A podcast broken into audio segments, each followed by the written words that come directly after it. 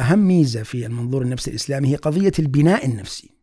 إن الإسلام يهتم بالبناء النفسي، إيش معنى البناء النفسي؟ يعني يهتم ببناء الأفراد بناء نفسيا قويا آه، محكما، هذا البناء النفسي القوي المحكم سيصمد أمام آه، آه، الظروف الصعبة، سيعيش في هذه الحياة باكبر قدر ممكن من الطمأنينة والسعادة والعبودية لله سبحانه النجاح الدنيوي والأخروي. نقول إنه النظام الاجتماعي ونظام نمط العيش ونظام الحياة من أهم من أهم المؤثرات في تكوين البناء النفسي في تكوين الإنسان. صار في صورة اختزالية إنه العلوم النفسية هي هي اكتئاب رهاب وسواس. لا يا جماعة المفروض إنه إنه الأمراض النفسية تمثل دائرة من ضمن أربع أو خمس دوائر. إذا أردنا أن تظهر النظرية يجب أن آه، نخلع العباءة تماما. عباءة علم النفس الغربي تماما. على الأقل مؤقتا لمن يخافون من خلع العباءه لأن في ناس يخافون من هذا الخوف الثاني يخافون من مخالفة علم النفس الحديث. يمه بسم الله. ها؟ هذا المقدس هذا التابو إنه لا كيف كيف إحنا نخالف كيف نخالف العلماء؟ كيف نخالف الأوساط العلمية؟ كيف نخالف الجمعيات العالمية؟ أكثر من يسأل هذا السؤال هم الناس الذين أصيبوا بهذه الأمراض مثلا يعني شخص عنده اكتئاب أو قلق. ويأتي ويعني ويسمع إنه لا المؤمن لا يمرض. يقول طيب أنا أحاول إني قدر استطاعتي وكذا. الربط المستمر بالله عز وجل هو أحد الاستراتيجيات الكبيرة في المنظور النفسي الإسلامي. ان تدري إنه علم النفس هو اسمه علم النفس لكنه لا يدرس النفس؟ صحيح.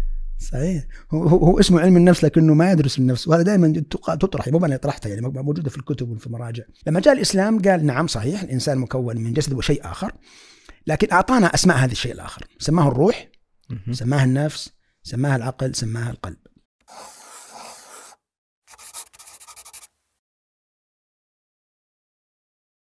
بسم الله أهلا وسهلا بكم في حلقة جديدة وضيف جديد في بودكاست كاف. آه، ضيفي اليوم آه، الدكتور خالد بن حمد الجابر استشاري طب الأسرة والعلاج النفسي الحاصل على شهادة في جامعة كالجري في كندا في في العلاج المعرفي والسلوكي وفي معهد بك في أمريكا وهو طبيب في كلية الطب في الحرس الوطني في الرياض.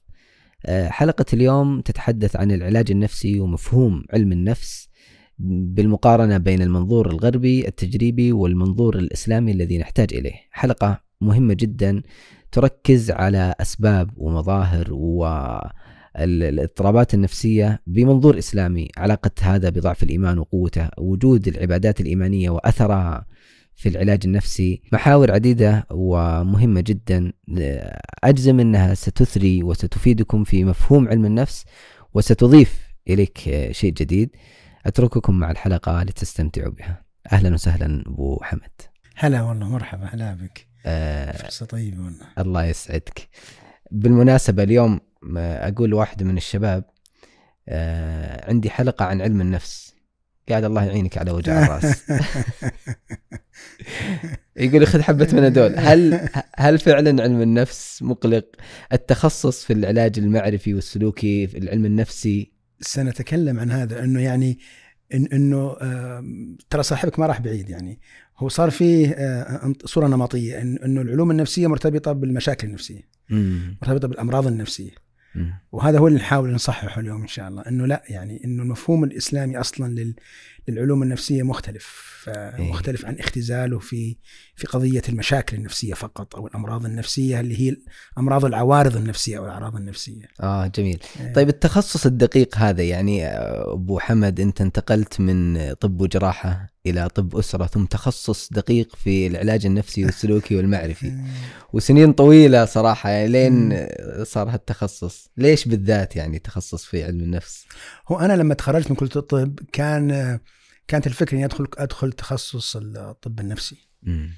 وذاك الوقت كانت الأمور متاحة جدا يعني وكان كان عندي الخيار موجود. لكن يعني صارت بعض المواقف آه يعني آه كأني حسيت إنه يعني إنه ما غير مناسب لي يعني الطب النفسي غير مناسب لي. كان في موقف حصل مع مريض وكذا آه ظهرت فيه يعني النزعة الدوائية بشكل بارز يعني. وهذا يعني كأنه ضايقني في ذلك السن يعني. إيه، فرأيت انه إنه لا ما يصلح لي هذا. وكنت أسمع عن العلاج النفسي ما أدري كيف. ذاك الوقت ما كانت الأمور واضحة يعني بالحيل. إي. فقلت أنا خلاص أدخل طب الأسرة لأن طب الأسرة ميزته إنه يعطي قيمة للإنسان أكثر من المرض و... ويهتم بالتواصل مع الناس ويهتم بالإستماع لل... للمرضى. ونظرة شمولية فكان. يعني فلسفتي ذاك الوقت إنه أنا إيه أدخل أدخل طب الأسرة وبعدين أتخصص فرعي بعدين في العلاج النفسي وهذا يعني الحمد لله تيسر هذا كم استغرقت 30 سنة يعني أنا تخرجت من كلية الطب عام آه، 92 اللي هو 1400 و ما أدري كم يوافق 12 و 12 12 تقريباً. يمكن مم. أيوه كم الآن لا يعني تقريبا 30 سنة 30 يمكن. سنة. تقريبا إيه أنا قعدت إيه. أحسبها صراحة قلت ما شاء الله 30 إيه، سنة إلين. سبحان الله راحت 30 سنة ما إيه. أو أقل بشوي يعني. آه، طبعا درست أول شيء خلصت الزمالة زمالة طب الأسرة. أم، اشتغلت فترة طب الأسرة وبعدين رحت كندا. وكانت روحة كندا أيضا يعني كان لها مناسبة إنه آه، جانا آه، معالج نفسي من كندا. كان جابوا أحد الزملاء كان يعني استضافوا أحد الزملاء.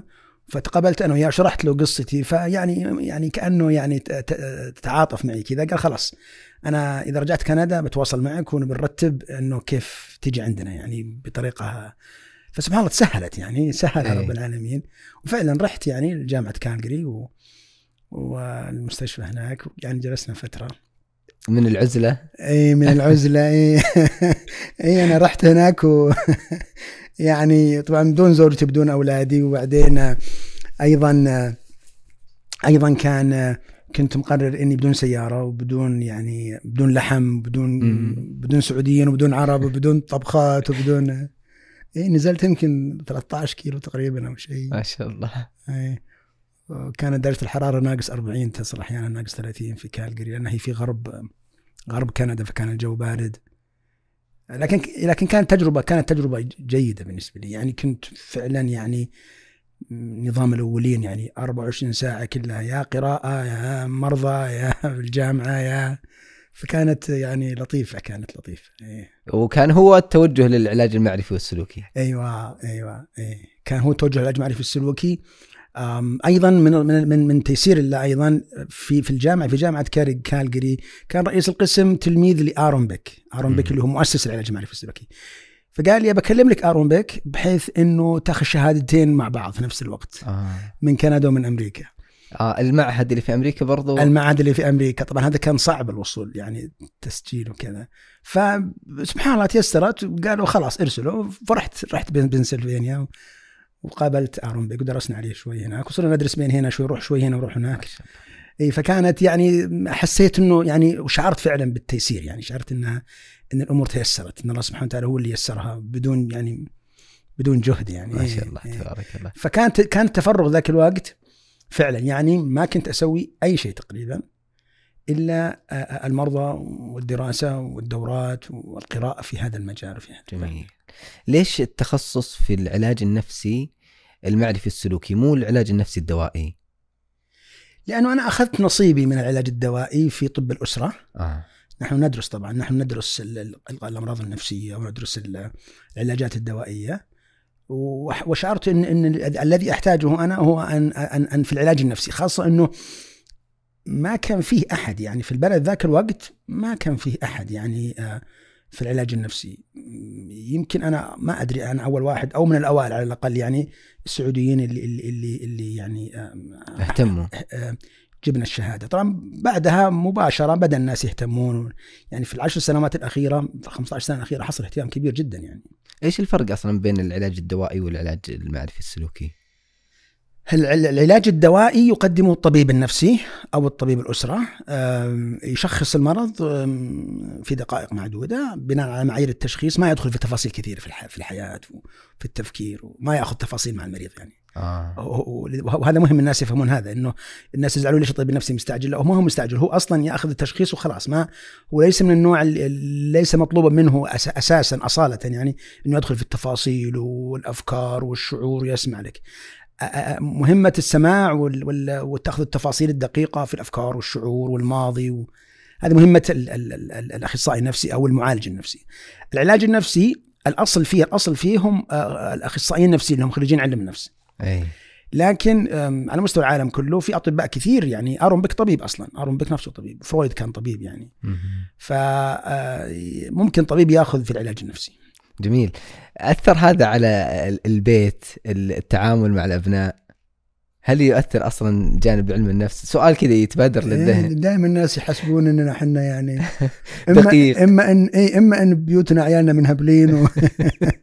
أو إنه لا إننا يعني لا إحنا مثلنا مثلكم ترى يعني.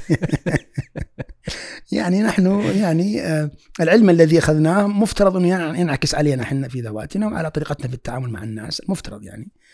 وما أدري ممكن تسأل الأهل يعني إيه، تسالهم يحتاج استجواب. إيه.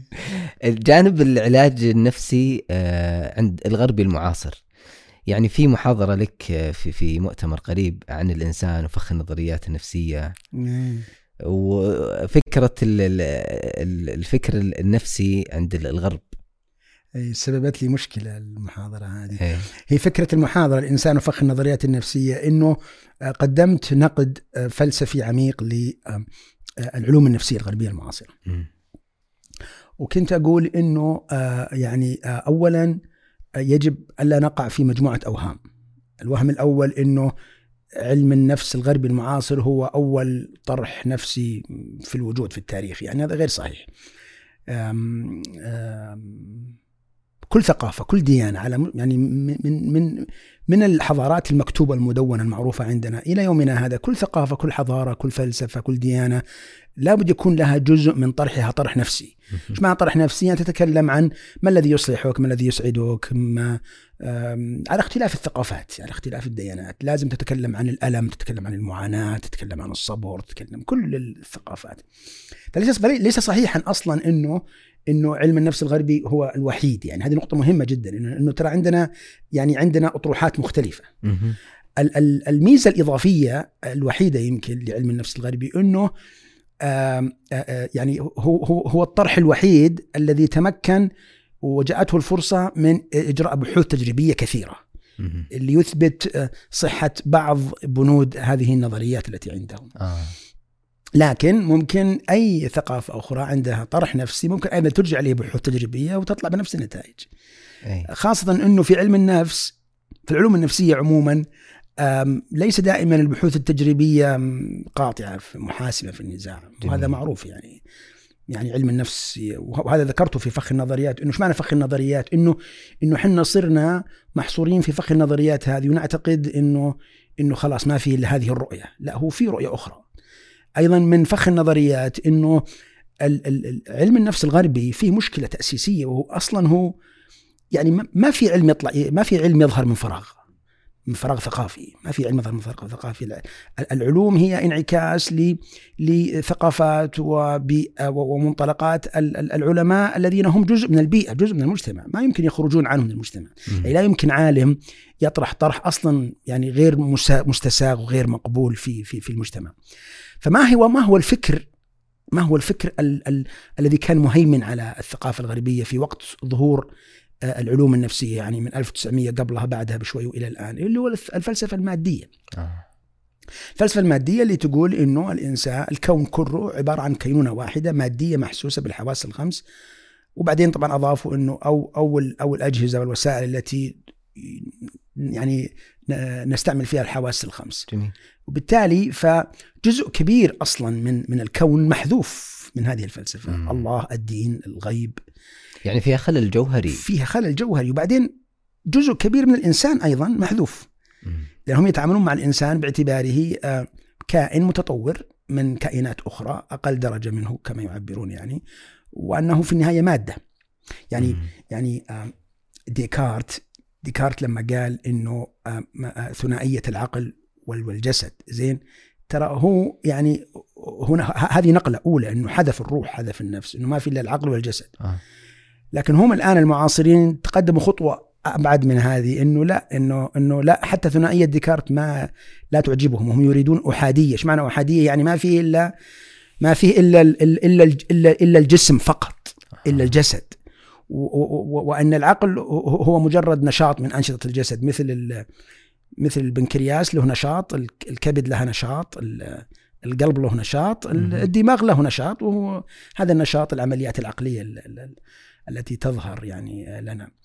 وبالتالي وش ترتب عليه؟ إنه كل العلوم النفسية صيغت بهذه الطريقة أو أو, أو بناء على هذا الأصل الكبير. معناته في خلل كبير. يعني هي مو ممكن م- ما يمكن نعدها مثل القيادة والإدارة. لا في في مشكلة. لابد أن ننظر لها بنظرية مختلفة. إيه يعني هم هم يعني مثلا آه، يقدمون حلول جيدة. هذه نقطة مهمة جدا. هم يقدمون حلول جيدة لكن هذه الحلول الجيدة هي هي م- يعني مقتصة. مم. مقتصة من يعني مثلا يجي واحد يقول طيب لكن العلاج المعرفي السلوكي مفيد. إي طيب هو مفيد لكنه أنت ما جربت ما هو أنفع منه عشان تحكم. يعني يجب أن تقارن مع منظومة أخرى مكافئة وموجودة واتيحت لها الفرصة حتى تعرف الفرق. آه. والدليل على هذا الدليل على هذا إنه علم العلوم النفسية منذ أن بدأت وهي في مرحلة موجات تصحيحية. التحليليه وكانت مسيطرة وبعدين السلوكية وكانت مسيطرة وبعدين الإنسانية وبعدين المعرفية والآن دخلنا إحنا في في الم- يسمونه الموجة الرابعة والموجه الثالثة علم النفس الإيجابي ال- ال- التيقظ إلى آخره هذه ترى أنا كيف أفهمها أنا؟ أنا أفهمها إنها حركات تصحيحية. لأن العلوم المفترض أن العلوم تتطور وتنمو عموديا بمعنى أنه العلم النظرية النظرية التي تأتي تعزز النظرية التي بعدها وتبني عليها فينمو العلم عموديا تصاعديا فيكبر العلم.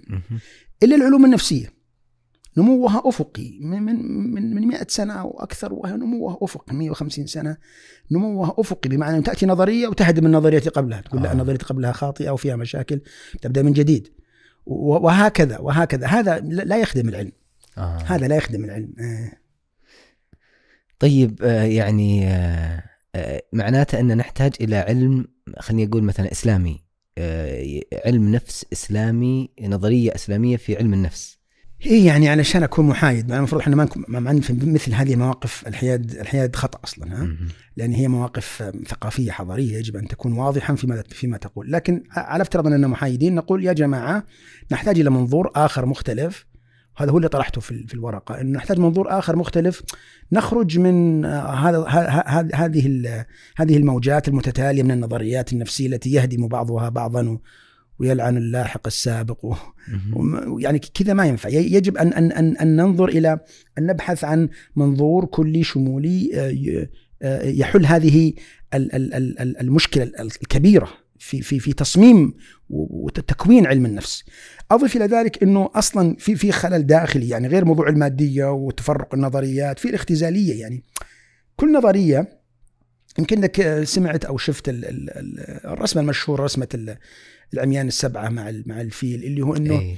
إنه يعني كل واحد آه، كل شخص ينظر إلى إلى الفيل من من المكان الذي مسك الفيل من زاوية نظره من زاويته آه، فرويد كان يشوف إن الإنسان عبارة عن كائن يتحرك جبريا بقوة اللاوعي التي هي مخزنة بسبب ال- ال- الغرائز المكبوتة بسبب آه، التربية ال- ال- ال- الفاسدة أو التربية اللي فيها مشكلة.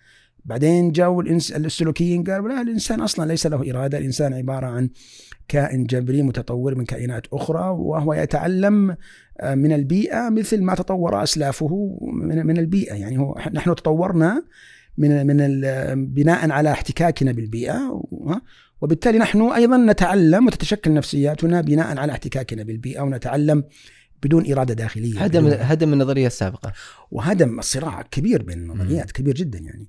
جت الإنسانية كان روجر وكان أبراهام ماسلو بعدين كان روجر كانوا متأثرين جدا بالثقافات الشرقية إنه الإنسان مركزية الإنسان وأهمية الإنسان والإنسان هو كل شيء والإنسان قادر على أن يحل جميع مشاكله فجاءت فكرة أنه أو تقدير الذات واحترام الذات وتوكيد الذات وتعزيز الذات وأهم شيء الإنسان وأهم شيء أنت وإلى آخره. بعدين جت المعرفية قالت لا إنه وين العقل؟ طيب نسينا العقل إحنا نسينا التفكير نسينا العمليات العقلية. فجاءت فكرة طيب أوه صح العمليات العقلية. و... والآن تقريبا الجناح المسيطر هو الجناح الخليط ما بين ال- ال- ال- السلوكية المعدلة والإنسانية المعدلة والمعرفية. يعني هو يسمونه المعرفه السلوكي لكن فعليا هو هو ال- ال- يعني بعد ال- الحركة الفلسفة الإنسانية عميق فيه. أما أفكار فرويد فكثير منها يعني يعني كثير من ذات اللاوعي وطريقته في في يعني مراحل النموذج الجنسي تقريبا يعني يعني الآن يعني لا يقول بها إلا يعني بقايا من أتباع هذه هذه هذه النظرية. وإن كان بعض بعض الأفكار موجودة بعض الأفكار مثل تأثير الوالدين والأسرة ونظرية التعلق وإلى آخره. جميل. الملاحظ عليك يا أبو حمد يعني في تركيزك على الجوانب الإيمانية في العلاج النفسي. ليش التركيز على الجوانب الإيمانية؟ لأنها الجزء المحذوف للأسف. الجزء المغيب يعني من هو شوف يعني هو إذا قلنا إنه أنا في نظري إنه أول من كتب في علم النفس الإسلامي هو الحارث المحاسبي. في تقريبا يعني 240 حولها ألف كتبه المشهوره هذه وصار بينه وبين الإمام أحمد وكان معاصر الإمام أحمد كان بينه وبين الإمام أحمد نقاش إنه الإمام أحمد كان يقول له يصلح ما يصلح إلى آخره هو كان يناقش المحاسب وش فكرته؟ فكرته إنه نحن كيف نستفيد من فهم النفس في تقوية الإيمان. فكان يتكلم عن إنه كيف تفهم نفسك وكيف تعرف مداخل الشيطان ومن هنا من هنا جاءت يعني بعدين انخط المسار الكبير مسار المحاسبي على الجنيد بعدين الغزالي عاد الغزالي يعني جمع كل هذا الكلام وأصدر كتبه المشهورة. آه، ف يعني الفكرة إنه إنه أصلا ما هي وظيفة علم النفس. آه. ما هو تعريف علم النفس. وهذا يمكن يجي في في بعض المحاور لكن أنا أظن إنه الهدف من من من العلوم من من الممارس النفسي المسلم الأخصائي النفسي المسلم أو العالم النفسي المسلم مهمته إنه يحقق أهداف علم النفس بحسب المنظور الإسلامي التي هي أن نتعرف على النفس نتعرف على النفس بحيث نستفيد من هذا التعرف في تقوية الإيمان وهذه هي حركة الحارث المحاسبي ونعرف مداخل الشيطان والهوى وكيف نقوي إيماننا بمعرفة دواخل نفوسنا وحركاتها. الثاني كيف نستفيد من الإيمان كيف نستفيد من الإيمان في تحسين أخلاقنا، في تحسين صفاتنا النفسية، في في تحصيل السكينة، في تحصيل الطمأنينة، في تحصيل الراحة النفسية، فهي فهي فهي عملية متبادلة آه، ثنائية الاتجاه. فالإيمان يفيد في علم النفس والمفترض انه علم النفس يفيد أيضا يفيد أيضا في في الإيمان ولذلك لذلك يعني ألقيت عدة محاضرات يعني في موضوع السكينة السكينة النفسية والإيمان وكيف نستفيد من الصلاة نفسيا والسكينة في رمضان وإلى آخره بناء على هذا البعد المستحضر يعني. آه جميل. هل معناتها أو أفهم إن إن النظريات الإسلامية ممكن تضيف شيء على على جانب علم النفس؟ يعني أنا أعتقد إن السؤال هذا غلط أصلا يعني آه. ليش؟ لأنه هو يفترض إنه يفترض إنه الإسلام مش عنده الإسلام وهذا سمعناه كثيرا من الأخصائيين النفسيين والأطباء وش عنده الإسلام؟ هكذا يسأل يعني هل إيه؟ هل بتضيف شيء أصلا؟ اي أنت وش تبي تضيف يعني ومرة كنا إحنا في في مجموعة في مجموعة بريدية وفيها يعني علماء كبار على مستوى العالم العربي. فكنت طرحت طرح من هذا القبيل فقال لي واحد يعني من نحن أمام عمالقة؟ عمالقة علم النفس في الغرب. لا نحن آه، نحن أنا أعتقد إنه يعني نحن لسنا مجرد ند بند نحن أعتقد إنه إحنا أرفع درجة حضارية منهم. آه. لماذا؟ لأنه أصلا يعني كما مثل ما ذكرت قبل شوي أنا إنه أي ثقافة أو ديانة أو فلسفة لا يمكن ابدا أن تخلو من طرح فيما يتعلق بالجانب النفسي. إيش معنى الجانب الطرح في الجانب النفسي؟ يعني ما الذي يصلح النفس؟ ما الذي يسعدها؟ ما الذي آه، ما هي الوسائل التي تقدمها هذه الفلسفة أو الديانة أو الثقافة لمعتنقيها فيما يتعلق بالجوانب النفسية. الإسلام الهدف الأساسي من من الإسلام هو تحقيق العبودية لله سبحانه وتعالى ودعوه الناس إلى الدخول في الدين والهداية والالتزام وكذا.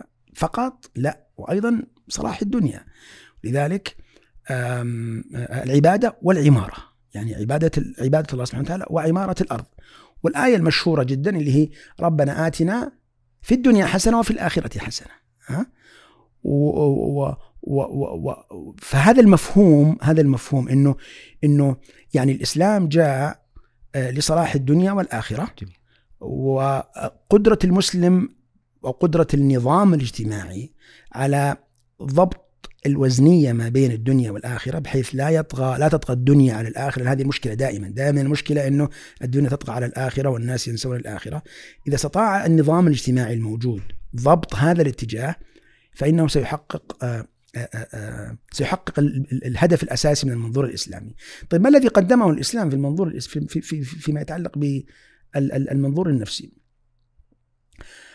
قدم أشياء كثيرة. الإسلام اولا قدم التصورات العليا. الإجابات الكثيرة على الأسئلة الوجودية الكثيرة جدا. لأنه أصلا في نظري أنا إنه أهم ميزة في المنظور النفسي الإسلامي هي قضية البناء النفسي. إن الإسلام يهتم بالبناء النفسي، إيش معنى البناء النفسي؟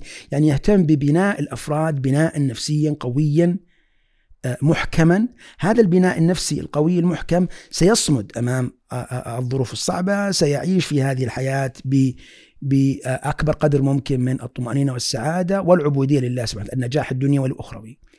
من أهم أركان البناء النفسي وجود التصورات العليا فيما يتعلق ب الله سبحانه وتعالى والكون والدنيا والآخرة فيما يتعلق بالصحة والمرض فيما يتعلق بالموت والحياة فيما يتعلق بالألم والمعاناة فيما يتعلق بالخير والشر. هذه المفاهيم التصورات الكبيرة العليا هذه هي داخلة معنا في حياتنا في كل يوم. جزء كبير من من من من من البناء النفسي للإنسان هو يبنيه بناء على هذه التصورات الموجودة هي التي تجعله آه، يعيش في هذه الحياة بقوة وتماسك. الإسلام أيضا أضاف أو اهتم كثيرا بالجانب الأخلاقي. وهذه مشكلة، يعني التصورات العليا بالمناسبة محذوفة حذف نهائي من العلوم النفسية، بالعكس أنت إذا تناقشت القضايا هذه قالوا هذا هذا this is philosophy هذه فلسفة ما لها علاقة بعلم النفس. لا نحن الآن هنا نقول لا إنه هذا خطأ كان خطأ وإنه يجب أن يصحح. لا هي ليست هي ليست سواء قلنا أنها philosophy سواء قلنا أنها فلسفة أو لا هي في النهاية جزء أهم جزء أساسي ومهم من علم النفس. بدون بناء تصورات كلية عليا حول الكون والحياة والإنسان والمرض والصحة ما يمكن الإنسان أصلا وهو في حياته يفسر كثيرا من الأحداث التي تجري حوله بناء على التصورات التي عندهم. الثاني الأخلاق. أيضا العلوم النفسية المعاصرة حذفت الأخلاق. يعني مثلا حينما تأتي إلى إلى إلى الثقافات الوثنية القديمة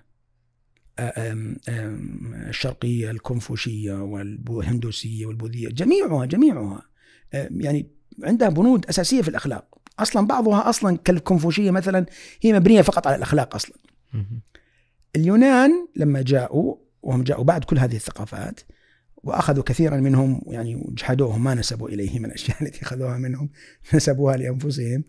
آه مثلا أرسطو أفلاطون لما كتب تكلم كثيرا عن الأخلاق لكن آه أرسطو مثلا كتب كتابين واحد في علم النفس يعني أشبه بعلم النفس العصبي المعرفي كيف يعمل العقل والإدراك الحسي والى آخره.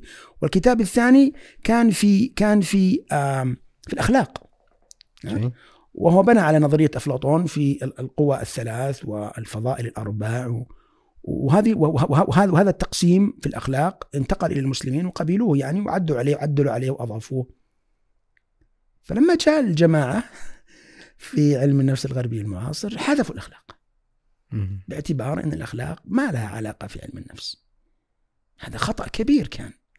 الآن بدأوا يصححونه وطلعت حركة موجة جديدة تصحيحية قريبة مؤخرا يعني في العشرين سنة الأخيرة اسمها حركة علم النفس الإيجابي قالت لا نرجع للأخلاق مرة أخرى لكن أيضا للأسف بمنظور مادي فالأخلاق أيضا قضية مهمة. النقطة الثالثة اللي هو إنه يعني الإسلام قدم ما يتعلق بالنظام الاجتماعي نظام الحياة. سواء النظام الاجتماعي أو نمط العيش أنت كيف تعيش كيف كيف تحيا كيف كيف يكون يومك أصلا؟ النظام الاجتماعي الأسرة الوالدين الأهل الأصدقاء الأقارب هذا ما له علاقة بالنفسية.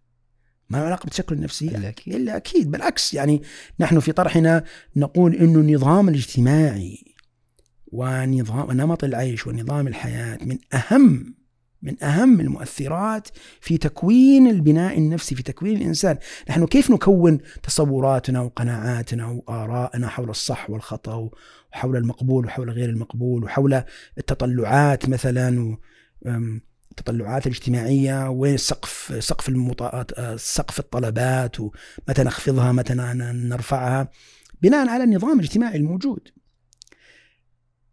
هذا ليس ليس ليس مهما في في في العلوم النفسية الغربية المعاصرة للأسف آه.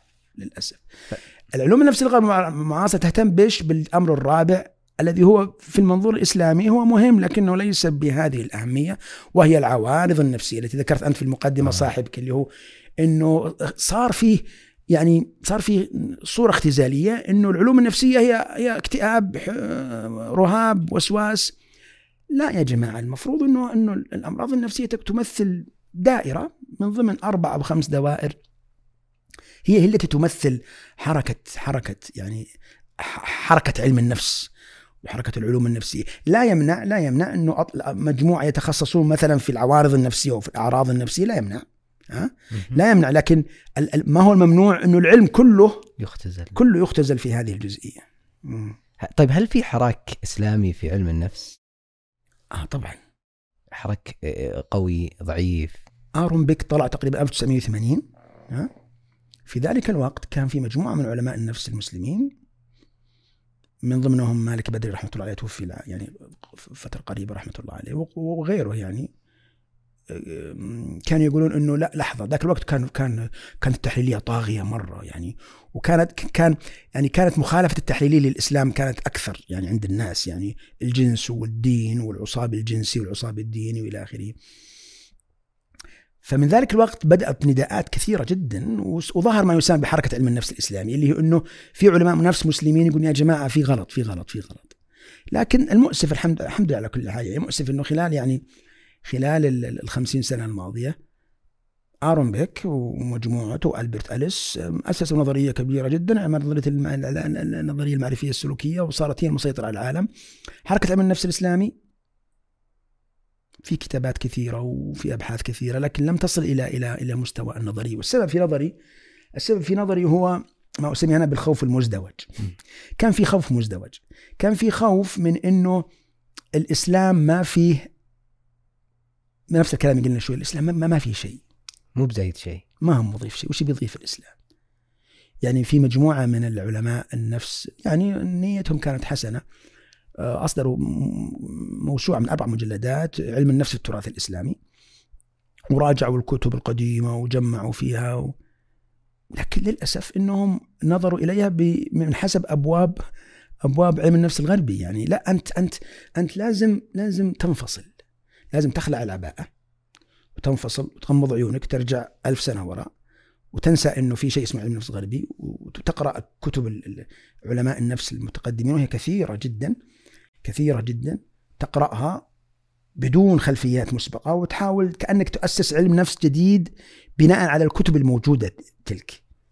وهذا ما صنعته أنا خلال ال 15 سنة الماضية هذه. يعني كل الوقت كنت أقرأ وأحاول أغمض عن يعني إنه بدون ما أعرف وش ماذا قال الغربيون ها أعرف ماذا يريد ماذا كان يريد أن يقول المتقدمون. وش وش فهمهم أصلا للنفس؟ وما هي النفس؟ ما هو وظيفة علم النفس أصلا؟ بدون ما أورط نفسي ب بالربط التعسفي إني أربط أربط ال ال ال ال يعني أحاكم أحاكم ال ال النتاج النفسي الإسلامي القديم على النتاج الغربي المعاصر. هذه محاكمة جائرة جائرة وأدت أدت هي أحد الأسباب في إنه في إنه حصل تأخر في ظهور النظرية، لا نحن الآن إذا أردنا أن تظهر النظرية يجب أن آه، نخلع العباءة تماما خباء عباءة علم النفس الغربي تماما على الأقل مؤقتا لمن يخافون من خلع العباءة لأن في ناس يخافون من هذا الخوف الثاني يخافون من مخالفة علم النفس الحديث. يما بسم الله. ها؟ هذا المقدس هذا التابو إنه لا كيف؟ كيف إحنا نخالف ال- كيف نخالف العلماء؟ كيف نخالف الأوساط العلمية؟ كيف نخالف الجمعيات العالمية؟ إيه نخالفهم إيه ليه؟ نخالفهم نص ليش؟ هم أصلا داخليا هم يخالفون أنفسهم. هم كل 20 30 سنة تطلع نظرية جديدة تخالف. طيب إحنا يا أخي اعتبرونا واحدة من النظريات هذه. اعتبرونا نظريه منها ضمن هذه النظريات. أحد ال- ال- الفلاسفة الغربيين إيه، جلس يجمع النظريات النفسية ووجد تقريبا عددها 300 أو أكثر يعني. طبعا هذه النظريات بفروعها يعني ولا هي الأصول النظريات يمكن يطلع 10 نظريات كبرى. طب إحنا يحطونا واحدة إحنا من النظريات الكبرى؟ ها؟ وهذا هو هو هو, هو, هو التوجه الصحيح إنك أنت تطرح نفسك. يعني مثلا ترى المعرفي الآن والسلوكي مدرسة واحدة. لكن كل واحد منهم حريص جدا إنه ما يقلد الآخر. حريص ما يقلد الآخر. وأحيانا حريص إنه يخالف الآخر يتعمد مخالفة الآخر إنه أنا متميز أنا مختلف عنك. نجي نحن نقول لا ما ودنا نصير مختلفين. يا أخي هم في أنفسهم أصلا يعني يظهرون هذا التميز فيما بين النظريات. كل صاحب نظرية له لديه ولاء للنظرية. نحن لماذا لماذا لا نمي لا نبين آآ آآ تميزنا؟ السبب هو أنه طرحنا أصلا مختلف تماما عن طرح فيه مختلف كثيرا جدا. البعد الديني فيه عميق جدا البعد الأخلاقي فيه يعني منظور جديد مختلف تماما. إنه الأعراض النفسية هي مجرد هي مجرد دائرة من ضمن دوائر وليست هي القضية الأساسية. الأحوال النفسية مثلا لا نمسك أنت أنت أي كتاب في علم النفس. يعني أصلا أصلا الإنسان الذي يدرسه علم النفس الغربي هو غير الإنسان الذي ندرسه نحن يعني. هو يتكلم كل كلامه عن العقل العقل العقل والعمليات العقلية والمشاعر. طيب هل هذه هي فقط الظواهر والأحوال النفسية الوحيدة في الإنسان؟ لا لا الإنسان عنده أحوال مختلفة عنده أحوال مرتبطة بالجوانب الدينية عنده أحوال مثل الصبر وين تحط الصبر مثلا؟ الصبر الطمأنينة السكينة الرضا القناعة وين تحطه؟ مش موجودة في إيه؟ وين تحط الأخلاق مثلا؟ ويجي يقول لك الأخلاق ما لها علاقة بعلم النفس لا من قال الأخلاق ما لها علاقة بعلم النفس لا الأخلاق الأخلاق سواء بمفهومها العام أو بمفهومها الخاص هي جزء من تكوينك هي الفكرة وش الفكرة إنه إنه الفكرة الأساسية كلها إنه المنظور النفسي الإسلامي بحسب ما أراه إنه يقوم على قضية بناء نفس سوية. هذا البناء النفسي السوي ليس فقط بالعمليات العقلية. العمليات العقلية تمثل جزء منه، لكن البناء التصورات العليا التصورات الحياتية، النظام الاجتماعي، الأخلاق، الدين، كل هذا مع بعض هو الذي يشكل هذه النفس. مفهوم النفس مختلف في النظريات. إيش العوامل المؤثرة فيه؟ ما هو ما هي النفس عند الإسلام النظرية الإسلامية إيش كيف تنظر للنفس انت تدري إنه علم النفس هو اسمه علم النفس لكنه لا يدرس النفس صحيح صحيح. هو, هو اسمه علم النفس لكنه ما يدرس النفس وهذا دائما تطرح مو أنا طرحتها يعني موجودة في الكتب وفي المراجع خاصة المراجع بتكلم عن philosophy of psychology إنه يعني اللي هو فلسفة علم النفس إنه يعني هو من من ديكارت قلنا إحنا ديكارت حذف قضية النفس و والروح والقلب ها؟ آه واصلا من أيام اليونانيين ما كانت الصورة واضحة يعني الفرق بين النفس والروح والقلب والعقل. لكن ديكارت حسم الموضوع قال ما في إلا العقل والجسد. بعدين جو ذول الجماعة قالوا ما في أصلا إلا الجسد فقط والعقل هو مجرد نشاط. فبالتالي هم فعليا يدرسون النفس. إيش يدرسون؟ يدرسون العقل. آه. يدرسون العمليات العقلية. ويدرسون الطلاب إنه ما في إلا العقل أصلا ما في كل شيء في العقل. ولذلك هي تسمى برينزم أو الدماغية إنه كل شيء في العقل. وإنه مشاكلنا من العقل وحلولنا من العقل ما في شيء آخر. طبعا لما تيجي تكلمهم عن الروح يعني يقول لك لو سمعت هذا في الكلية الثانية في كلية اللاهوت. أو في كلية الفلسفة. لكن إحنا هنا في علم النفس ما نتكلم عن الروح. في الإسلام لما جاء الإسلام طبعا قبل الإسلام قبل الإسلام معظم الثقافات معظم الثقافات كانت ثنائية، معنى الثنائية يعني تؤمن الإنسان مكون من من جسد وشيء آخر. على اختلافها في الشيء الآخر هذا. إلا استثناءات معينة مثل المادية القديمة مادية ما قبل أرسطو ومادية مادية يعني الرواقية وأبي قور وغيرهم اللي جاءت بعد أرسطو. وأيضا البوذية يعني أعتقد أن البوذية يعني لا يؤمنون بوجود أعتقد البوذية لا يؤمنون بوجود الروح. المهم إنه لكن غالب الثقافات كانت ثنائية إنه الإنسان عبارة عن عبارة عن جسد وشيء آخر. شيء آخر غير مادي. ها؟ بعض الثقافات تعتقد إن هذا الشيء الآخر الغير مادي غامض يعني تجريدي زين مثل مثالية أفلاطون مثلا إنه إنه في شيء آخر لكنه تجريدي هو ما هو اللي مثل عقلية هي هي هي هي تمثيلات عقلية ليست حقيقة. لما جاء الإسلام قال نعم صحيح الإنسان مكون من جسد وشيء آخر لكن أعطانا أسماء هذا الشيء الآخر سماه الروح سماه النفس سماه العقل سماه القلب. طبعا كلمة العقل ما جاءت في القرآن يعني بهذا الاسم لكن يعني هو بدلالات الأفعال. إذا إذا إذا إذا عندنا شيء آخر غير غير الجسد وعندنا ليس فقط العقل. يعني واضح جدا النصوص القرآنية أن معظم معظم أحوال النفس وحركات النفس تنسب إلى ماذا؟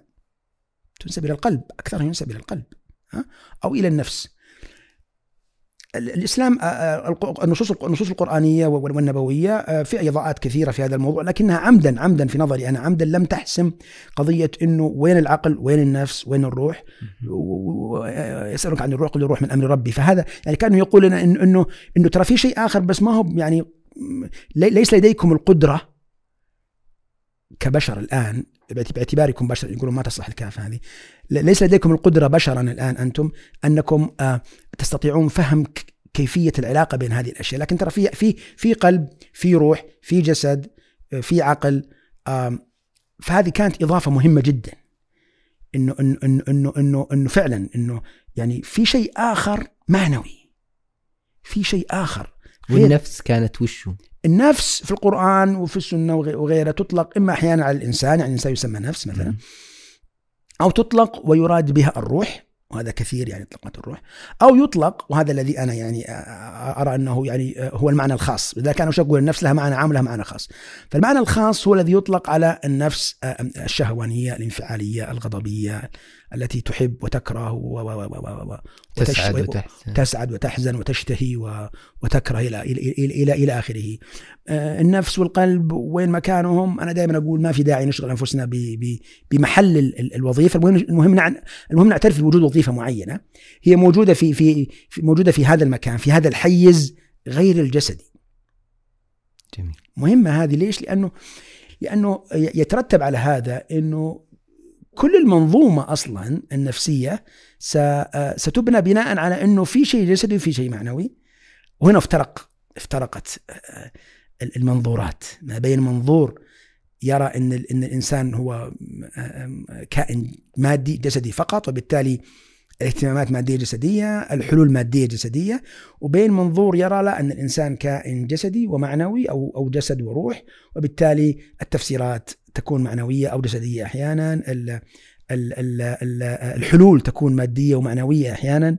آه، فهنا من هنا يدخل تدخل المفاهيم الإسلامية في في الصبر والرضا والتوكل والسكينة وحلول كثيرة حلول كثيرة جدا يعني في فيها في هذا في هذا السياق. يعني هذه يعني سريعا بس عشان الوقت اي. جميل. يعني الواحد لما يروح يبحث في, في, في علم النفس يبحث عن الصحة النفسية. إيش الأشياء اللي تسعدها كيف يكون عنده صحة نفسية؟ يقرأ عن الصحة النفسية رضا اعتدال أي مفهوم من المفاهيم. إيش الصحة النفسية في النظريات وبالذات عند الإسلام؟ اي والله هذه هذه احد أحد نقاط الخلاف. يعني إحنا يعني أحد أحد الأسئلة المدخلية المهمة إنه أصلا وش تعريف الصحة النفسية؟ مصطلح الصحة النفسية مصطلح جديد طبعا. هو ترجمة لمصطلح mental health الترجمة الدقيقة له هو الصحة الذهنية أو الصحة الصحة العقلية. لاحظ ها شوف. إنهم هم مرتب مش نفسية. إيه مش نفسية حتى ها. الصحة mental health يعني إحنا في مستشفانا اسم اسم القسم اسمه mental health department قسم الصحة العقلية يعني على اعتبار إنه كل شيء في العقل لاحظت كيف كيف جاية على اعتبار كل شيء في العقل. ف الصحة لكن لكن مصطلح صحة النفس كان موجود في الكتابات قديما. يقولون صحة البدن وصحة النفس. لكن المصطلح اللي كان أكثر شيوعا وتعمد الغربيون في بدايات علم النفس حذفه وهو موضوع السعادة. مش معنى السعادة أصلا؟ وإن كان بدأوا الآن يرجعون لدراسة موضوع السعادة أصلا. لكن هو أصلا علم النفس كله يدور حول حول أنه كيف الإنسان يكون في صحة نفسية جيدة؟ طيب إيش معنى صحة نفسية جيدة أصلا؟ إيوه. صحة نفسية جيدة. إما إنك تقول وهذا فيها كلام كثير وفي أيام أفلاطون وأرسطو تكلموا فيها وما قبل أفلاطون وأرسطو يعني كيف نعرف الإنسان السعيد؟ من هو الإنسان السعيد؟ ففي عدة اتجاهات. في اتجاه يقول لك إن الإنسان السعيد هو الإنسان الذي آآ آآ المقياس بالنجاح المادي. إنه الإنسان يعني عنده مال عنده, عنده مال وعنده تجارة وعنده أسرة وعنده أولاد وعنده خدم وعبيد أيام العبيد وكذا إلى آخره. فالمعيار صار خارجي اللي هو معيار القنيات معيار المقتنيات ها؟ المعيار الآخر لا يقول لك لا لا المعيار هو الشعور. طيب أي وش الشعور؟ أي أنواع الشعور؟ هل هو شعور اللذة والمتعة؟ ومن هنا جاءت نظرية اللذة والألم. آه، ونظرية اللذة والألم ونظريه المتعة انه إنه المعيار الأساسي هو آه، مستوى اللذة ومستوى الألم. آه، وهذا قديم جدا من أيام من أيام يعني الثقافات الوثنية وتكلموا عنه الفلاسفة اليونانيين وفلاسفة الإسلام أيضا تكلموا عنه ابن تيمية يعني برغم إنه يعني صارع الفلاسفة كثيرا تكلم عن هذا الموضوع وطرح وجهة نظره هو في موضوع اللذة والألم، لكن الفكرة هنا انه انه إنه معيار السعادة هو في اللذة والألم. وهو معيار جيد، ابن تيمية شو يقول؟ ابن تيمية يقول إنه معيار جيد بس بشرط إن نوسع مفهوم اللذة ونوسع مفهوم الألم بحيث تكون اللذة اللذة الأخروية هي الأهم اللذة لذة العبادة هي الأهم آه، ألم الآخرة هو الأهم إلى آخره والمعصية والمعصية والذنوب إلى آخره في مفهوم آخر يرى أنه آه، وهو قريب من مفهوم اللذة والألم أنه لا السعادة نقيسها ب ليس بمستوى المشاعر اللذة والألم إنما بمستوى مشاعر الرضا. مستوى مشاعر الرضا والقناعة يعني ما بعد اللذة والألم ها؟ يعني مستوى شعر الرضا والقناعة والطمأنينة والسكينة. ممكن الإنسان يكون فقير بمعنى أنه معيار المال والنجاح المادي غير موجود ومريض يعني بمعنى معيار اللذة ألم. الألم وموجود لكنه راضي وسعيد بمعنى أنه سعيد داخليا سعيد في, في, في, في سعيد داخليا بمعنى الرضا والسكينة والطمأنينة. اذا يعني آه، آه، مفهوم أصلا السعادة مفهوم الصحة النفسية مفهوم معقد وليس ليس مفهوما يعني آه، ليس مفهوما يعني مفردا إنما هو مفهوم مركب. أنا في نظري إنه السعادة يعني لا يمكن تعريفها لكل واحد تعريف ينطبق على الجميع. بمعنى إنه السعادة هي هي مفهوم مركب مفهوم مركب من مجموعة أشياء قد قد يكون الإنسان مثلا لديه مال ويشعر بالسعادة بناء على هذا المال يشعر بالرضا. لاحظت معي؟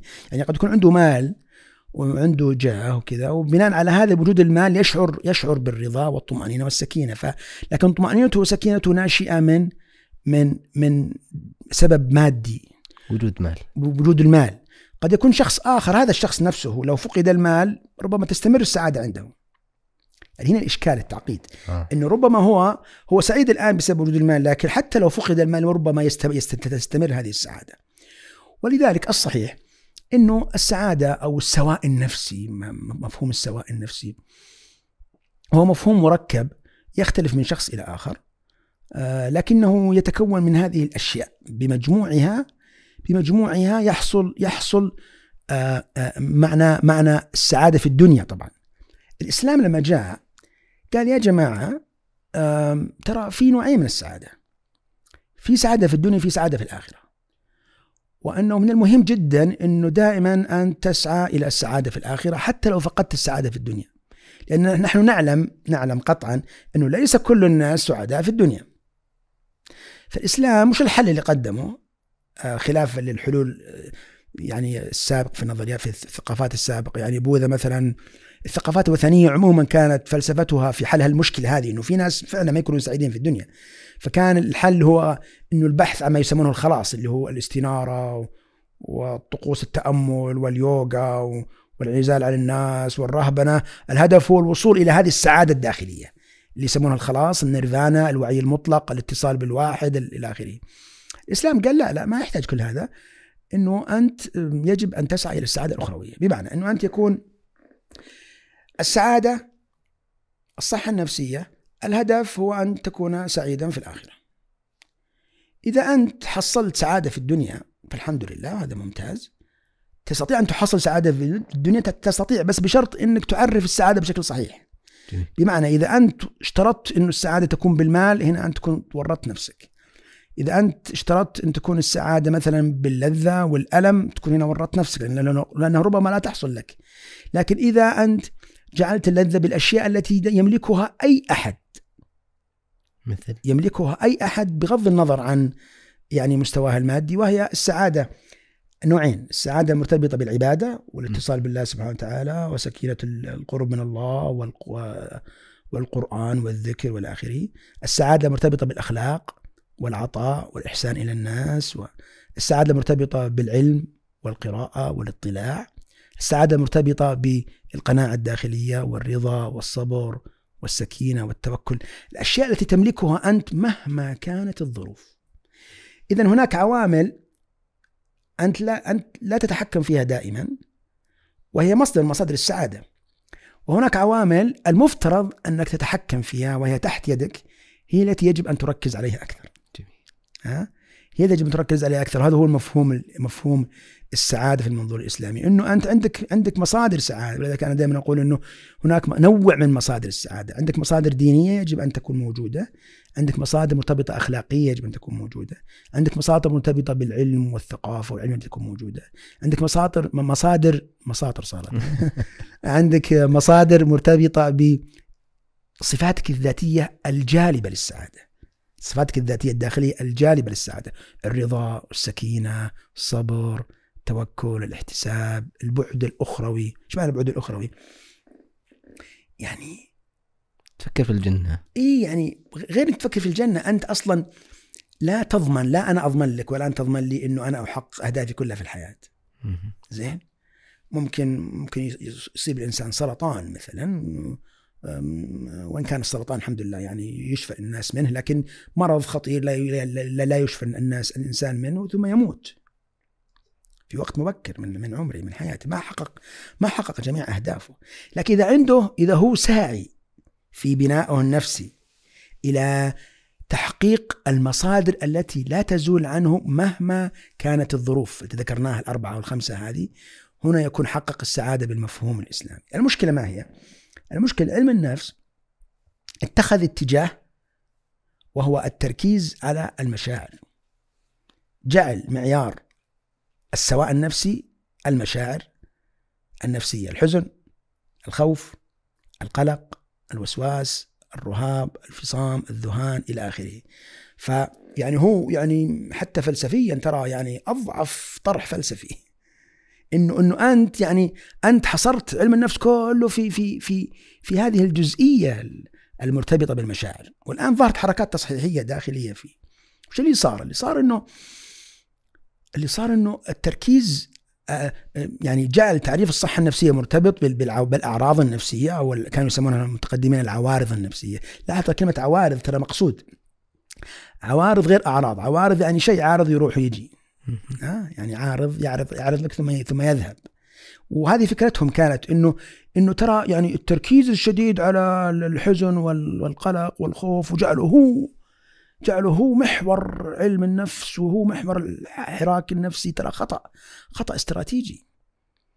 ولذلك يعني لاحظت الخلاف بينه وبينهم كثير في أشياء كثيرة ها في أشياء كثيرة. آه، مفهوم الأمراض النفسية. أنت عندك آه، عداوة مع مع فكرة إن هناك مفهوم اسمه الأمراض النفسية ليش إحنا قلنا خلاص إحنا نبي نرجع ألف سنة و... ونغمض ونشيل العباءة صح؟ مم. طيب لو سألت واحد في القرن الثالث أو الرابع الهجري قلت له ما هي أمراض النفوس؟ وش بيقول لك؟ مباشرة سيقول الحسد، الكذب، مم. الكبر، ها؟ الرياء ال ال ال يبدأ يعدد تقول له لا طيب وين الاكتئاب؟ وين الحزن؟ يقول طيب هذه موجودة لكنها في القائمة يعني تحت. بمعنى إنه أصلا مفهوم المرض النفسي. مرض النفس أو مرض القلب مفهوم أوسع مرة أخرى نعود مرة أخرى إلى مشكلة مشكلة النموذج الطبي حصر في المشاعر حصر العل- العلوم النفسية كلها في في في المشاعر وفي الأعراض النفسية إنه لحظة يا أخي اولا من قال لك إن الحزن أهم وأخطر من الكذب؟ آه على أي معيار أنت حسبته؟ على أي معيار أنت حسبت إن القلق مثلا أخطر وأشد ضررا من ال ال ال ال ال تواضع ال الكبر اللي هو عكس التواضع، الكبر نحن نتكلم عن الأمراض ها الكبر والتعالي على الناس و... ها؟ فبالتالي أصلا يعني أصلا مفهوم المرض النفسي هم ليش شالوا الأخلاق بالمناسبة ليش شالوا الأخلاق؟ لأنه أصلا الالحاد عنده مشكلة في الأخلاق آه. الالحاد أصلا دائما عنده مشكلة في الأخلاق في تفسير الأخلاق و... وإلى آخره، لكن أبعد من هذا إنه لما هم لو, لو, لو دخلوا الأخلاق لازم يناقشون الكذب والغل والحق والحقد والحسد و... وإلى آخره وإلى آخره وإلى آخره، طيب هذه تدخلهم في متاهات طويلة عريضه. لا هم يريدون أن يركزون على الجانب المرتبط ب آه، بالجسد. البلخي البلخي 300 وكسر تقريبا ألف كتاب هو طبيب طبيب طبيب آه، آه، هو ما كان طبيب هو فقط هو كان يعني أشبه ب أشبه برئيس الهيئة العامة للتعليم الطبي إن صح التعبير يعني ها وكان الخليفة يسند له مهمة مراقبة التعليم والتدريب الطبي في في في في زمن الخلافة الإسلامية في ذاك الوقت. المهم انه ألف كتاب سماه مصالح الأبدان والأنفس. قسموا قسمين، القسم الأول في الطب الباطني إن صح التعبير آه، والقسم الثاني في مصالح الأنفس. وكتب مقدمة لطيفة. اولا ليش ليش الأطباء ما يهتمون بالجوانب النفسية؟ لكن كتب انه انه الاحوال النفسيه كثيره جدا، نحن الاطباء نهتم وهذه مهمه جدا. نحن الاطباء نهتم بالجزء المتعلق ب بالاحوال النفسيه الاقرب إلى الجسد. أنا ما عندي مشكله انه يجي واحد يقول والله أنا بتخصص في هذا الجانب. أنا كعالم نفس زي ما شرحنا قبل شوي أنا بتخصص في هذا الجانب. لكن إنه المنظومة العلمية كلها العلوم النفسية كلها تختزل في في الأمراض النفسية بالمفهوم الطبي الغربي هذا خطأ كبير. هذا خطأ كبير. وترى هو اللي أنا في نظري يعني يمكن يزعلون الزملاء هو اللي خلى الناس مستوى تحملهم أصلا الامراض النفسية أقل يعني. يعني يمكن يبغى يمكن نحتاج ندرس الظاهرة هذه إنه هل إحنا فعلا لما صرنا نقول للناس إنه أوه ترى الحزن الحق نفسك و...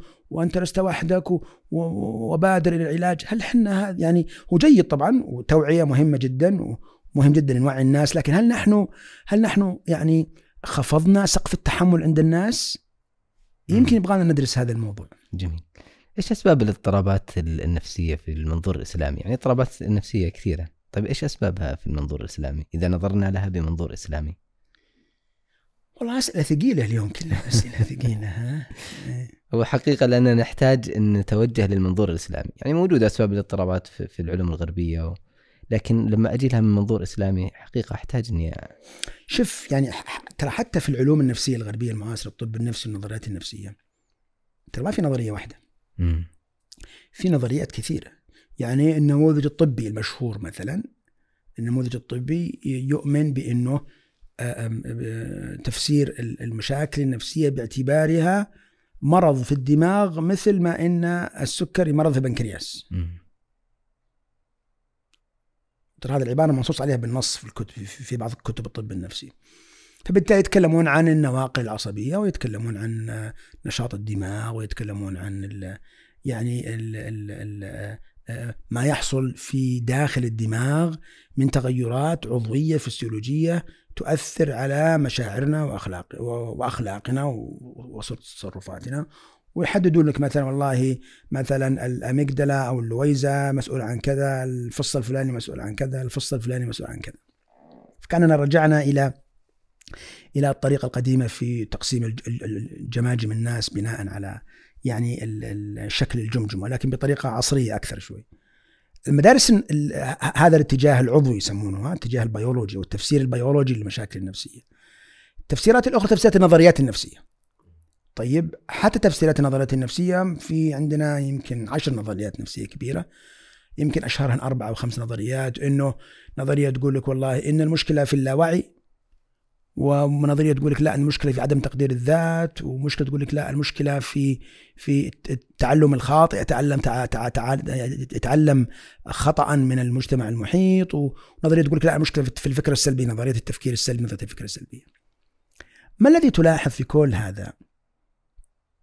ما العامل المشترك فيه؟ العامل المشترك هو النظرة الاختزالية.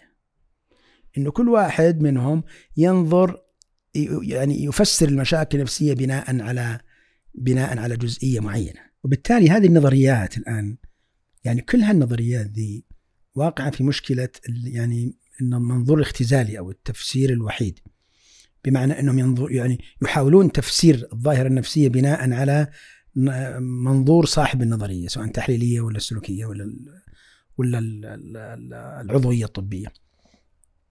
لكن الصحيح هو المنظور متعدد الأسباب والمنظور متعدد الأسباب لماذا هو يعني مناسب جدا للمنظور الإسلامي؟ لأن المنظور الإسلامي يقول إنه لحظة يعني أنتم الآن تبحثون في مساحة واحدة. أنتم كل شغلكم كل هذه النظريات هي فعليا تبحث في مساحة محددة وهي مساحة العمليات العقلية على اختلاف طريقتهم في على اختلاف طريقتهم في في آه، آه، تحديد وين الخلل في العملية العقلية لكن في النهاية كلها عمليات عقلية. لكن ألا توجد مساحات أخرى نبحث عنها في تفسير المشكلات النفسية؟ وهذا هنا يأتي المنظور النفسي الإسلامي. إنه إنه يا جماعة التقييم النفسي يجب أن يكون تقييما أوسع شموليا. يعني مثلا هم يتكلمون عن إنه ترجع إلى الماضي وتشوف علاقاته مع أبوه مع أمه وتشوف الظروف ومرحلة الدراسة والظروف إلى آخره. لكن كل هذه يعني كل هذه ال كل ها كل هذا التقييم هو في النهاية في مساحة واحدة. ألا يمكن البحث مثلا عن عن مساحات أوسع متعلقة ب الجوانب المرتبطة اللي شرحناها قبل قليل متعلقة بفهمه أصلا هو آه، آه، آه، للتصورات العليا الحياة والتصورات الحياتية ونظام نظام الاجتماع الذي يعيش فيه ونمط نمط حياته وطريقه حياته. مستوى مستوى الصفات النفسية الذي عنده من الصبر والتوكل والسكينة والرضا والتسليم وإلى آخره. بمعنى أننا نبحث. وهذا مهم مفيد جدا في التقييم فيما بعد وهو مهم مفيد أيضا في فهم وتفسير المشكلات النفسية. نبحث في مساحة أخرى أوسع أوسع قليلا. هذا البحث يجب أن نكون حذرين لأنه ليس الهدف هو أن نقول إن الإنسان مثلا لديه مشكلة في الإيمان مثلا أو لديه مشكلة في مستوى تدين. نحن لا نحكم على هذا إلا بعد التقييم. ولذلك السؤال اللي دائما يطرح إنه العلاقة بين يعني الإيمان والإسلام أو التدين والصحة النفسية يمكن يجي بعد شوي نناقشه. لكن هنا يأتي يأتي هنا الكشف عنه ونحن لا نحكم على الشخص لا سلبا ولا ايجابا إلا بعد التقييم. لا نحكم عليه إلا بعد التقييم. نحن اولا المساحة المساحة أوسع عندنا في البحث عن أسباب المشكلات النفسية. نحن كما ذكرنا قبل قليل لدينا بناء نفسي. نريد أن نبحث عن هذا البناء النفسي. لا نبحث فقط في في العمليات العقلية فقط إنما نبحث عن البناء النفسي. والبناء النفسي كما شرحنا نحن مكوناته عدنا عدنا الموضوع هذا أكثر من مرة. فما في داعي نكرره مرة أخرى. إذا إذا إذا إذا إذا فهمنا نحن للتفسير للأسباب الأمراض النفسية أنه متعدد هذا أول فرق. ثاني الفرق الثاني أننا المساحة التي التي نشتغل عليها التي نبحث فيها أنت الآن إذا إذا إذا أضعت قطعة نقدية مثلا من الحديد أو النحاس في في البر المفترض أنك تحدد مساحة معينة تبحث عنها المشكلة في في المشكلة في الجوانب النفسية أنها واسعة جدا وعميقة إذا لم تحدد طريقة وآلية واضحة لكشف أسباب الأمراض النفسية فإنه ربما يتسع عليك الأمر جدا. المنظور النفسي الإسلامي مشكلته أنه واسع لكنه ضروري. أنا أعتقد الاتساع هذا ضروري. ولا بد من الابتكار لابد من علماء النفس المسلمين أن يبتكروا أدوات واضحة جدا لكي آه، آه، تقيم هذه المساحات الواسعة بحيث يكون سهلا في الممارسة العيادية آه، الكشف عنها. جميل. صراحة وأنا أبحث في موضوع علم النفس والاضطرابات النفسية وعلاج الاضطرابات النفسية العجيب أنك تجد المختص النفسي يحاول أن يبعد جانب العلاج بالإيمان أو بالتعبد الإيماني في في في علاجه. يقول خلينا على العلاج الدوائي تراه يبطئ العلاج إنك تدخل عليه آه، قوي إيمانك. لا خلينا في العلاج الدوائي وخطه علاجية وبالتالي إذا استمر على الخطة العلاجية ترى سيشفى. إي هو هم يدرسونه هكذا يعني. يعني في كلية الطب في كلية علم النفس يدرسوا كلية التربية يدرسون الطلاب أن الدين لا علاقة له بالعلوم النفسية. و... فهو تخرج بناء على هذا الفهم. فنحن الآن نجي نحن الآن هدفنا أن نصحح هذا. نقول لا إن ما درسته في الكليات خطأ. ونحن نتحمل مسؤولية يعني هذا الإشهار. لا غير صحيح. والعلاقة ما بين الدين والعلم النفس نحتاج أن نعرف ما هو الدين آه، وما هو علم النفس. علم النفس عرفناه قبل قليل بمفهوم المنظور الإسلامي الواسع. الدين أيضا ما هو الدين؟ المشكلة أنه الغربيين عندهم عندهم إشكالية في فهم الدين أصلا. هم لأنهم هم يقيسون على الدين النصراني الذي هو في غالبه ديانة وجدانية كما هو معروف عن الديانة النصرانية أن في غالبها ديان يولدون لذلك هم أصلا فهمهم للدين يفهمونه بأنه عبارة عن ممارسة وجدانية روحانية اختيارية يفعلها الإنسان بين وقت وآخر إذا احتاج إلى ذلك. بينما لا مفهوم الدين في الإسلام مختلف. مفهوم الدين في الإسلام هو يعني أشبه بالمنظومة الكلية الفلسفية التي تشكل عقلك ووعيك ونظرتك للحياة ونظرتك للألم نظرتك للمعاناة نظرتك للصحة نظرتك للمرض نظرتك للخير للشر للصواب للخطأ. فهو الذي الدين هنا هو الذي يساهم هو أحد المساهمين الكبار في تشكيل بنائك النفسي. وهو أيضا ولذلك هو مهم جدا وهو أيضا مهم جدا لأن لديه حلول.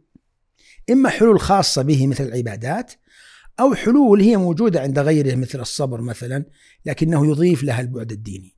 لذلك مثلا حديث النبي صلى الله عليه وسلم إنما بعثت لأتمم مكارم الأخلاق. يعني أنه في أخلاق موجودة قبل الصبر معروف من زمان الصبر الرضا كل دي معروف من زمان من قبل الإسلام.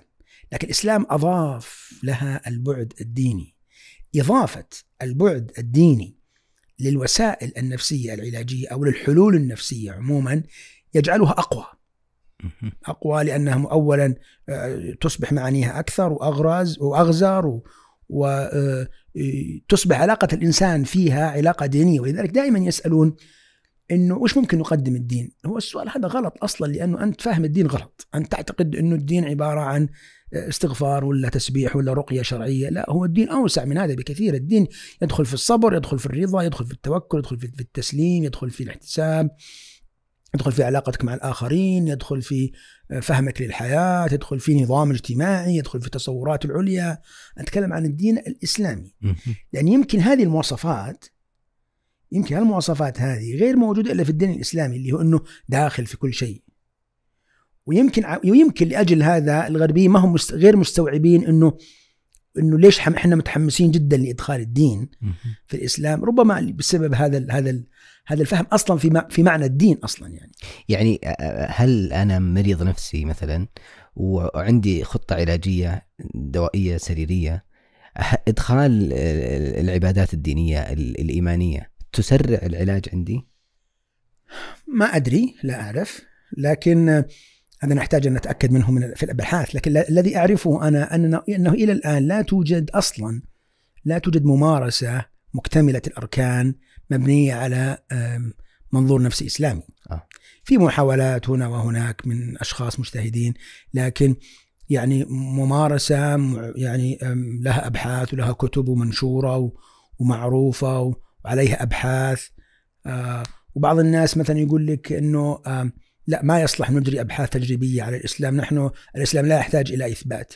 لا هذا يعني سطحية في الفهم. لا أنا أنا لا اجري البحث لكي أختبر الإسلام أنا أختبر فهمي للإسلام أختبر مناسبة أختبر فهمي لمعرفة إنه هل هذا العلاج النفسي الديني هو مناسب لهؤلاء الأشخاص أو هناك علاج نفسي ديني آخر؟ فأنا لا أختبر الإسلام لا يحتاج الإسلام أني أختبره. بعض الناس يقول لك أن تعرض الإسلام للخطر. افرض إنك سويت تجربة وطلع غير مفيد. إيه حتى لو طلع غير مفيد معناه إنه أنا فهمي كان خاطئا وليس وليس المفهوم الإسلامي كان خاطئا. آه جميل. يأتي سؤال رجل مسلم يصلي عنده إيمان وعبادة لله عز وجل آه، هل يمرض نفسيا؟ هل المؤمن يمرض نفسيا؟ يا هالسؤال هذا يتكرر كثير هل المؤمن يمرض نفسيا؟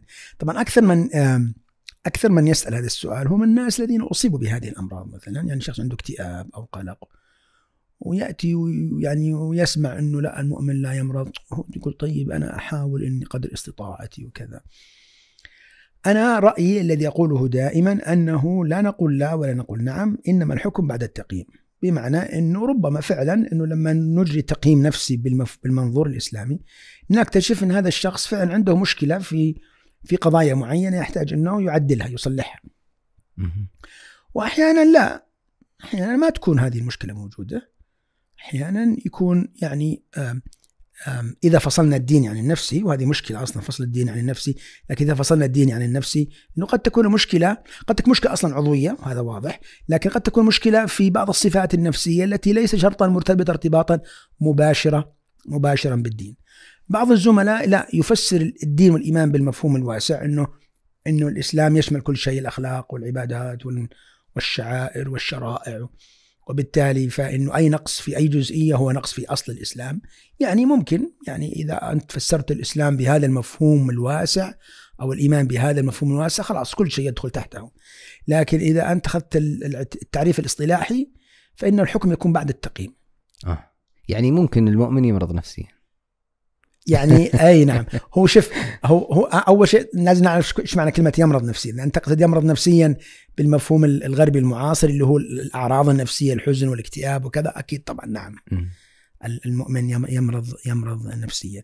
لكن اذا إذا تقصد مثلا بعض الأخلاق فبعضها لا. حديث النبي صلى الله عليه وسلم يعني آه، إن المؤمن قد يزني لكن لا يكذب المؤمن. لاحظ انه إنه في بعض الأخلاق في بعض الصفات النفسية الأخلاق في المنظور الإسلامي إنه لا إنه ممارستها تدل على خلل كبير. طيب الآن عرفنا ال- ال- المنظور الإسلامي لعلم لعلوم للعلوم النفسية والمنظور الغربي أو الشرقي. هل في منتجات إسلامية آه، أو حلول آه، إسلامية لعلم النفس؟ هذا المفروض المفروض إنه كل هالنقاش ذا النظري يترتب عليه منتجات. جميل. وال يعني آه، مثل ما ذكرت لك إنه حركة علم النفس الإسلامي من البداية كانت تحاول تطرح منتجات.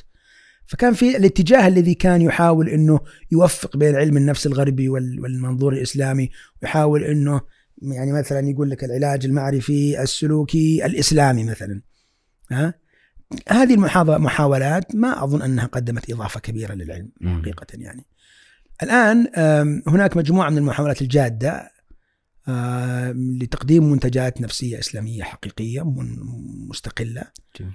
سواء من عندي أو من عند غيري لكن إلى الآن يعني إلى الآن يعني لم آه، تنشر في أبحاث محكمة لكن أعتقد أنا في العشر سنوات القادمة إن شاء الله أنه سيخرج. يعني مثلا عندنا برنامج نحن سميناه السكينة. جميل. البرنامج هذا فكرته تقوم على إنه برنامج مدته 40 يوم، ليش 40 يوم؟ لأن كل المصطلح 40 يعني متداول في في الفكر الإسلامي كثيرا يعني. 40 نوويه وكذا. إيه. ف و40 فاش ومن صلى ومن صلى لله 40 يوما. إيه فال 40 هذه متداولة يعني. أو مش كنا نقول إحنا إنه اي اي السكينة هذا. برنامج مدته 40 يوم يتعلم فيه الإنسان أشياء كثيرة الصبر السكينة ضبط الانفعالات و... والهدف منه ليس مرة أخرى ليس علاجيا للامراض النفسيه نحن في كما ذكرنا المنظور الإسلامي يركز أكثر على على الجانب البنائي بناء النفس؟ فالهدف منه أن الإنسان يتعلم يتقوى بناؤه بحيث فيما بعد هو يستطيع ال- مواجهة المشكلات النفسية تعاصره. آه، أيضا من المنتجات منتج متعلق بالعبادات تحسين العبادات بحيث كيف نستفيد من العبادات في تحصيل أم، أم، في برنامج عن الس- السكينة في في الصلاة وبرنامج عن السكينة في القرآن. وبرنامج عن السكينة في رمضان. جميل. القرآن والأذكار مع بعض هي متقاربة الفكرة متقاربة. وبرنامج فيه خطوات عملية ويعني وإلى آخره. و- وطبقناه إحنا على عد- عدة يعني عدة مجموعات. ولعل الله ييسر الوقت أننا نحول إلى برنامج عملي ونجري عليه أبحاث وننشره. لأننا مؤمنين بالأبحاث ولسنا مع الذين يقولون أنه لا ما يصلح. كيف؟ كيف تثبت أنه الصلاة مفيدة وتعرض الصلاة للبحوث التجريبية وهذا ما يصلح؟ لا لا لا، يعني هذا غير صحيح. وفي وفي منتجات أخرى مثلا مرتبطة بمثلا علاج الوسواس القهري مثلا من منظور إسلامي، علاج الاكتئاب من منظور إسلامي. ودعواتكم إن الله تعالى ييسر ويتمم الجهود على خير. إن شاء الله لعله خلال العشر سنوات القادمة نحن عندنا خطة إن شاء الله. لعل خلال العشر سنوات القادمة إن شاء الله تكتمل جميع هذه المنتجات بإذن الله جميل. تعالى. إن شاء الله. إن شاء يعني كمختص في علم النفس والعلاج السلوكي المعرفي آه، التركيز على الجانب الإيماني والعبادات. له أثر. إيه الترك يعني ليس فقط التركيز عليه لكن هو جعله ضمن الخطة ضمن الخطة النفسية. جميل. ما نقول الخطه العلاجية لأن إحنا كررنا أكثر مرة نحن لا نستهدف فقط الأمراض النفسية بمفهوم الأعراض النفسية. نعم يعني آه، لكن الاشكال هو انه يعني أنا أذكر قديما يعني اول ما اول ما بدأت هذه الفكرة تخطر تخطر في, في, في ذهني إنه كان المرضى يجون يقولون في العيادة إنه والله إحنا نصلي وكذا لكن ما شفنا فائده. فاكتشفت أنا إنه هم لا يصلون بالطريقة التي مفيدة لهم نفسيا. آه فبدأت الفكرة إنه كيف نساعد الناس إنه تذكر كلامنا الأول إنه إن, إن, إن, إن الهدف من علم النفس هو كيف نستفيد من علم النفس في تحسين الإيمان والعبادة وكيف نستفيد من الإيمان والعبادة في تحسين النفس؟ جميل. هي نفس الفكرة هنا. آه. يعني نموذج الصلاة هذا أحد النماذج اللي يشرح ال ال العلاقة. العلاقة الثنائية المتبادلة هذه. بحيث أنه كيف هو يستفيد من علم النفس؟ بالمنظور الإسلامي طبعا. في يحقق الخشوع في الصلاة يحقق الطمأنينة يحقق السكينة يحقق حضور القلب. كيف يستفيد من هذه المفاهيم معرفة النفس إلى آخره. ثم كيف يستفيد من هذه السكينة التي سيحصلها من الصلاة على حياته العامة. أرحنا بها يا بلال ها؟ أرحنا بها يا بلال. فواضح أن الصلاة لها فائدة نفسية الراحة النفسية وكيف نستفيد من هذا؟ وهناك مشاريع متعددة في هذا الباب. آه، لعل الله تعالى يعني يوفق وييسر الجهود. لنا ولغيرنا يعني نحن نتمنى من الجميع أن ينجح إن شاء الله. جميل. جانب ثاني كذا مختلف. جانب السحر والعين والمس. يا ويلي ولا. كثير ترى يربطها إن المرض النفسي مرتبط بأنه جاه عين أو هو مصاب بسحر أو مس. آه، لا بس أنا ما ودي إنه ما ودي إنه يرتبط يعني حركة علم النفس الإسلامي أو المنظور النفس الإسلامي بالسحر والجن والعين كأنه ما في إلا هذه. آه.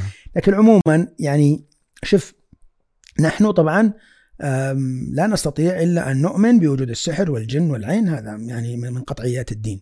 جميل. آه ولولا وجودها لما كان له أثر. يعني فمع هذا يدل على أن له أثر. السحر له أثر وهذا واضح في, في, في القرآن يعني وفي السنة ويؤثر على الإنسان. ال ال العين تؤثر على الإنسان، الجن ليس هناك نصوص واضحة لكن لا يمنع. يعني أنا بالنسبة لي لا يمنع يعني انه يؤثر. إنما الإشكال وين يجي الإشكال؟ الإشكال يجي في الحالات التطبيقية. آه. في نظري إلى الآن لا توجد طريقة واضحة أستطيع أن أحكم بها على أن هذا عنده سحر أو جن أو عين. آه. إنما هي مجموع قرائن.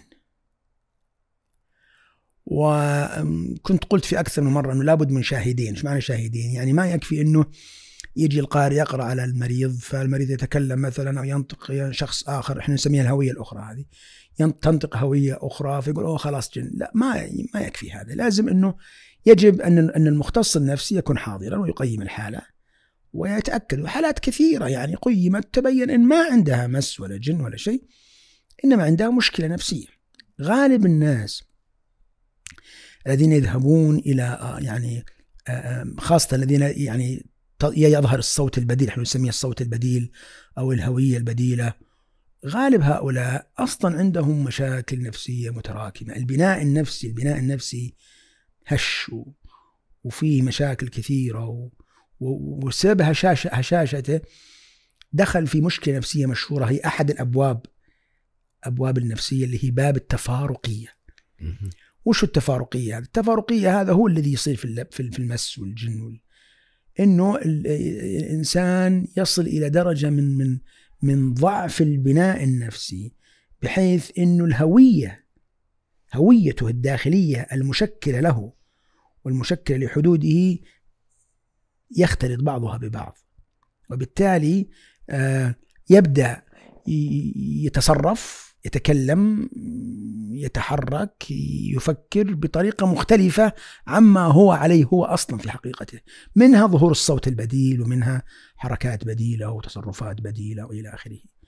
يجب أن تقيم مثل هذه يعني يجب الا ينفرد يعني يجب أن يكون يعني التشخيص الأساسي فيها للأطباء ولا مانع من الرقية بالعكس الرقية مشروعة. وهذه قضية مهمة يعني أيه يعني يعني ليش الرقية مربوطة فقط بالأمراض النفسية؟ أنت لو أنت إذا قرأت كتب السنة بالعكس يعني غالب الرقية أصلا في كتب السنة ليست المشكلات النفسية يعني مشكلات الأمراض العضوية.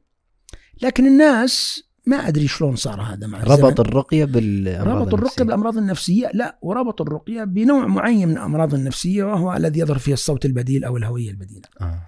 نحن نقول يا جماعة إنه الرقية مباركة. أنا أرقي نفسي دائما اذا إذا مرضت ومرض عضوي أو مرض نفسي أو شيء وأنصح الجميع أن يرقي نفسه وأنصح المرضى أن يرقوا أن يرقوا أنفسهم لكن بدون الدخول في متاهات التشخيص. يعني لست وهذا بالمناسبة هذه وصية الشيخ ابن باز وغيره رحمة الله تعالى عليه إنه لا تدخل نفسك في متاهة إنه هل هو مس ولا جن ولا سحر ولا؟ ما فيه ما فيه معطيات ولا قرائن ولا أدلة تفيدنا في معرفة هل هو سحر ولا جن ولا مس ولا عين. يعني حتى النبي صلى الله عليه وسلم ما عرف ما عرف إلا لما أخبر بذلك صحيح. فهي فهي أشياء غيبية فأن تقرأ على الإنسان إذا شككت أو حتى ما شككت يعني مجرد عنده مشكلة مجرد عنده مرض عضوي أو نفسي هو يستحق القراءة والرقية وتقرأ عليه بدون تشخيص. م. إذا سلمنا حنا أنه بدون تشخيص تقرأ عليه وبس والبركة والحمد لله بدون مبالغات فالحمد لله ينتهي ينتهي الموضوع. ولا ولا ولا ولا يكون هناك إشكال بالعكس بالعكس. جزء من المنظور الإسلامي أنه أنت تستعمل الرقية في كل شيء في حياتك.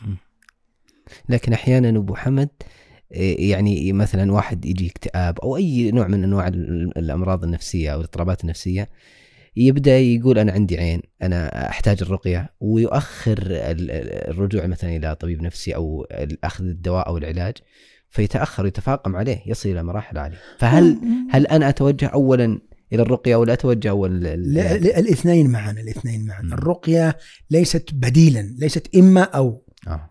الرقية هي خط علاجي موازي ومفروض مفترض أنه يكون موجود مع كل الأمراض.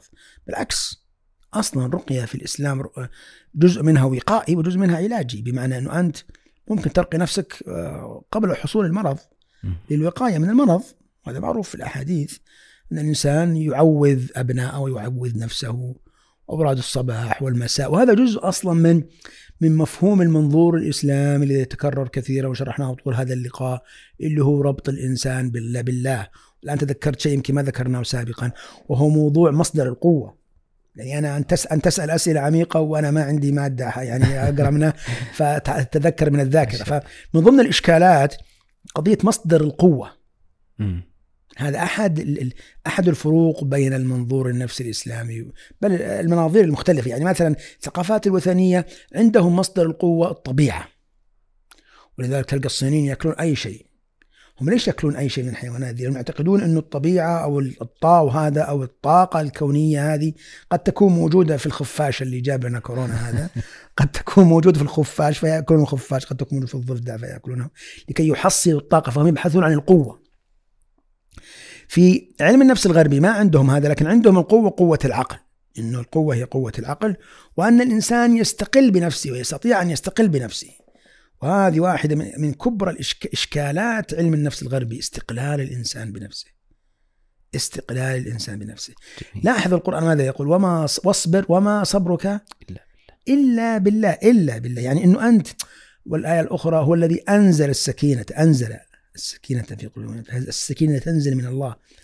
فالإنسان يعني آه، ولذلك مثلا نحن نعترض على مفاهيم المدرسة الإنسانية أنت قادر أنت بطل تعزيز الذات توكيد الذات تقدير الذات. لا لا لا لا لا لا, لا النفس النفس يجب ألا تنفخ هذا النفخ العظيم والتقديس العظيم بالعكس يجب أن تربط دائما بالله سبحانه وتعالى.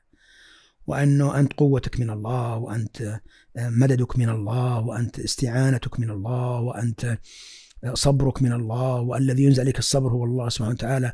لذلك أنا مثلا أتضايق من مثلا بعض الحملات حملة محاربو السرطان. أنت تستطيع أن تحارب السرطان؟ لا يا أخي أنت ما تستطيع. أنت ما تستطيع لوحدك أنت لا تستطيع إلا بالله. ربط الناس بالله الربط المستمر بالله سبحانه وتعالى. الربط المستمر بالله عز وجل هو أحد الاستراتيجيات الكبيرة في المنظور النفسي الإسلامي. و... و... ونزع قداسة الإنسان الإنسان المقدس هذا ال... الذي قدسته المدارس النظرية النفسية الغربية المعاصرة ون- ونقلت القداسة من الله من السماء هذا بالنص هذا بالنص. أنزلت القداسة من السماء إلى الأرض لا نحن لا نحن نحن نحن لا نوافق على هذا. اللي جاب الكلام إنه قضية الرقية إن الرقية هي هي هي هي, هي أحد التطبيقات لهذا المفهوم. مفهوم إن القوة من الله وإن المدد من الله وإن الشفاء من الله سبحانه وتعالى. جميل.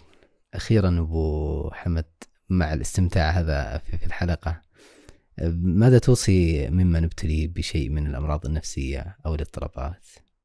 مرة أخرى بأي تعريف تعريف المنظور الإسلامي ولا بتعريف المنظور الغربي ها؟ المشكلة أن الناس الآن ماشيين بالمنظور إيه، الغربي إيه. والله يا أخي شوف يعني المرض النفسي سواء كان بالمفهوم الإسلامي الواسع اللي اللي هو المرض النفسي بمعناه العام أو المفهوم بمعناه الضيق اللي هو الأعراض النفسية عليه أن يبذل السبب. وعليه أن يبذل الخطوات المعروفة في المنظور الإسلامي اللي هو ال- ال- المراقبة يعني يعني الاكتشاف تكتشف المشكلة والمراقبة والمحاسبة اكتشاف المشكلة ومعرفة وين وين الخلل عندي أنا.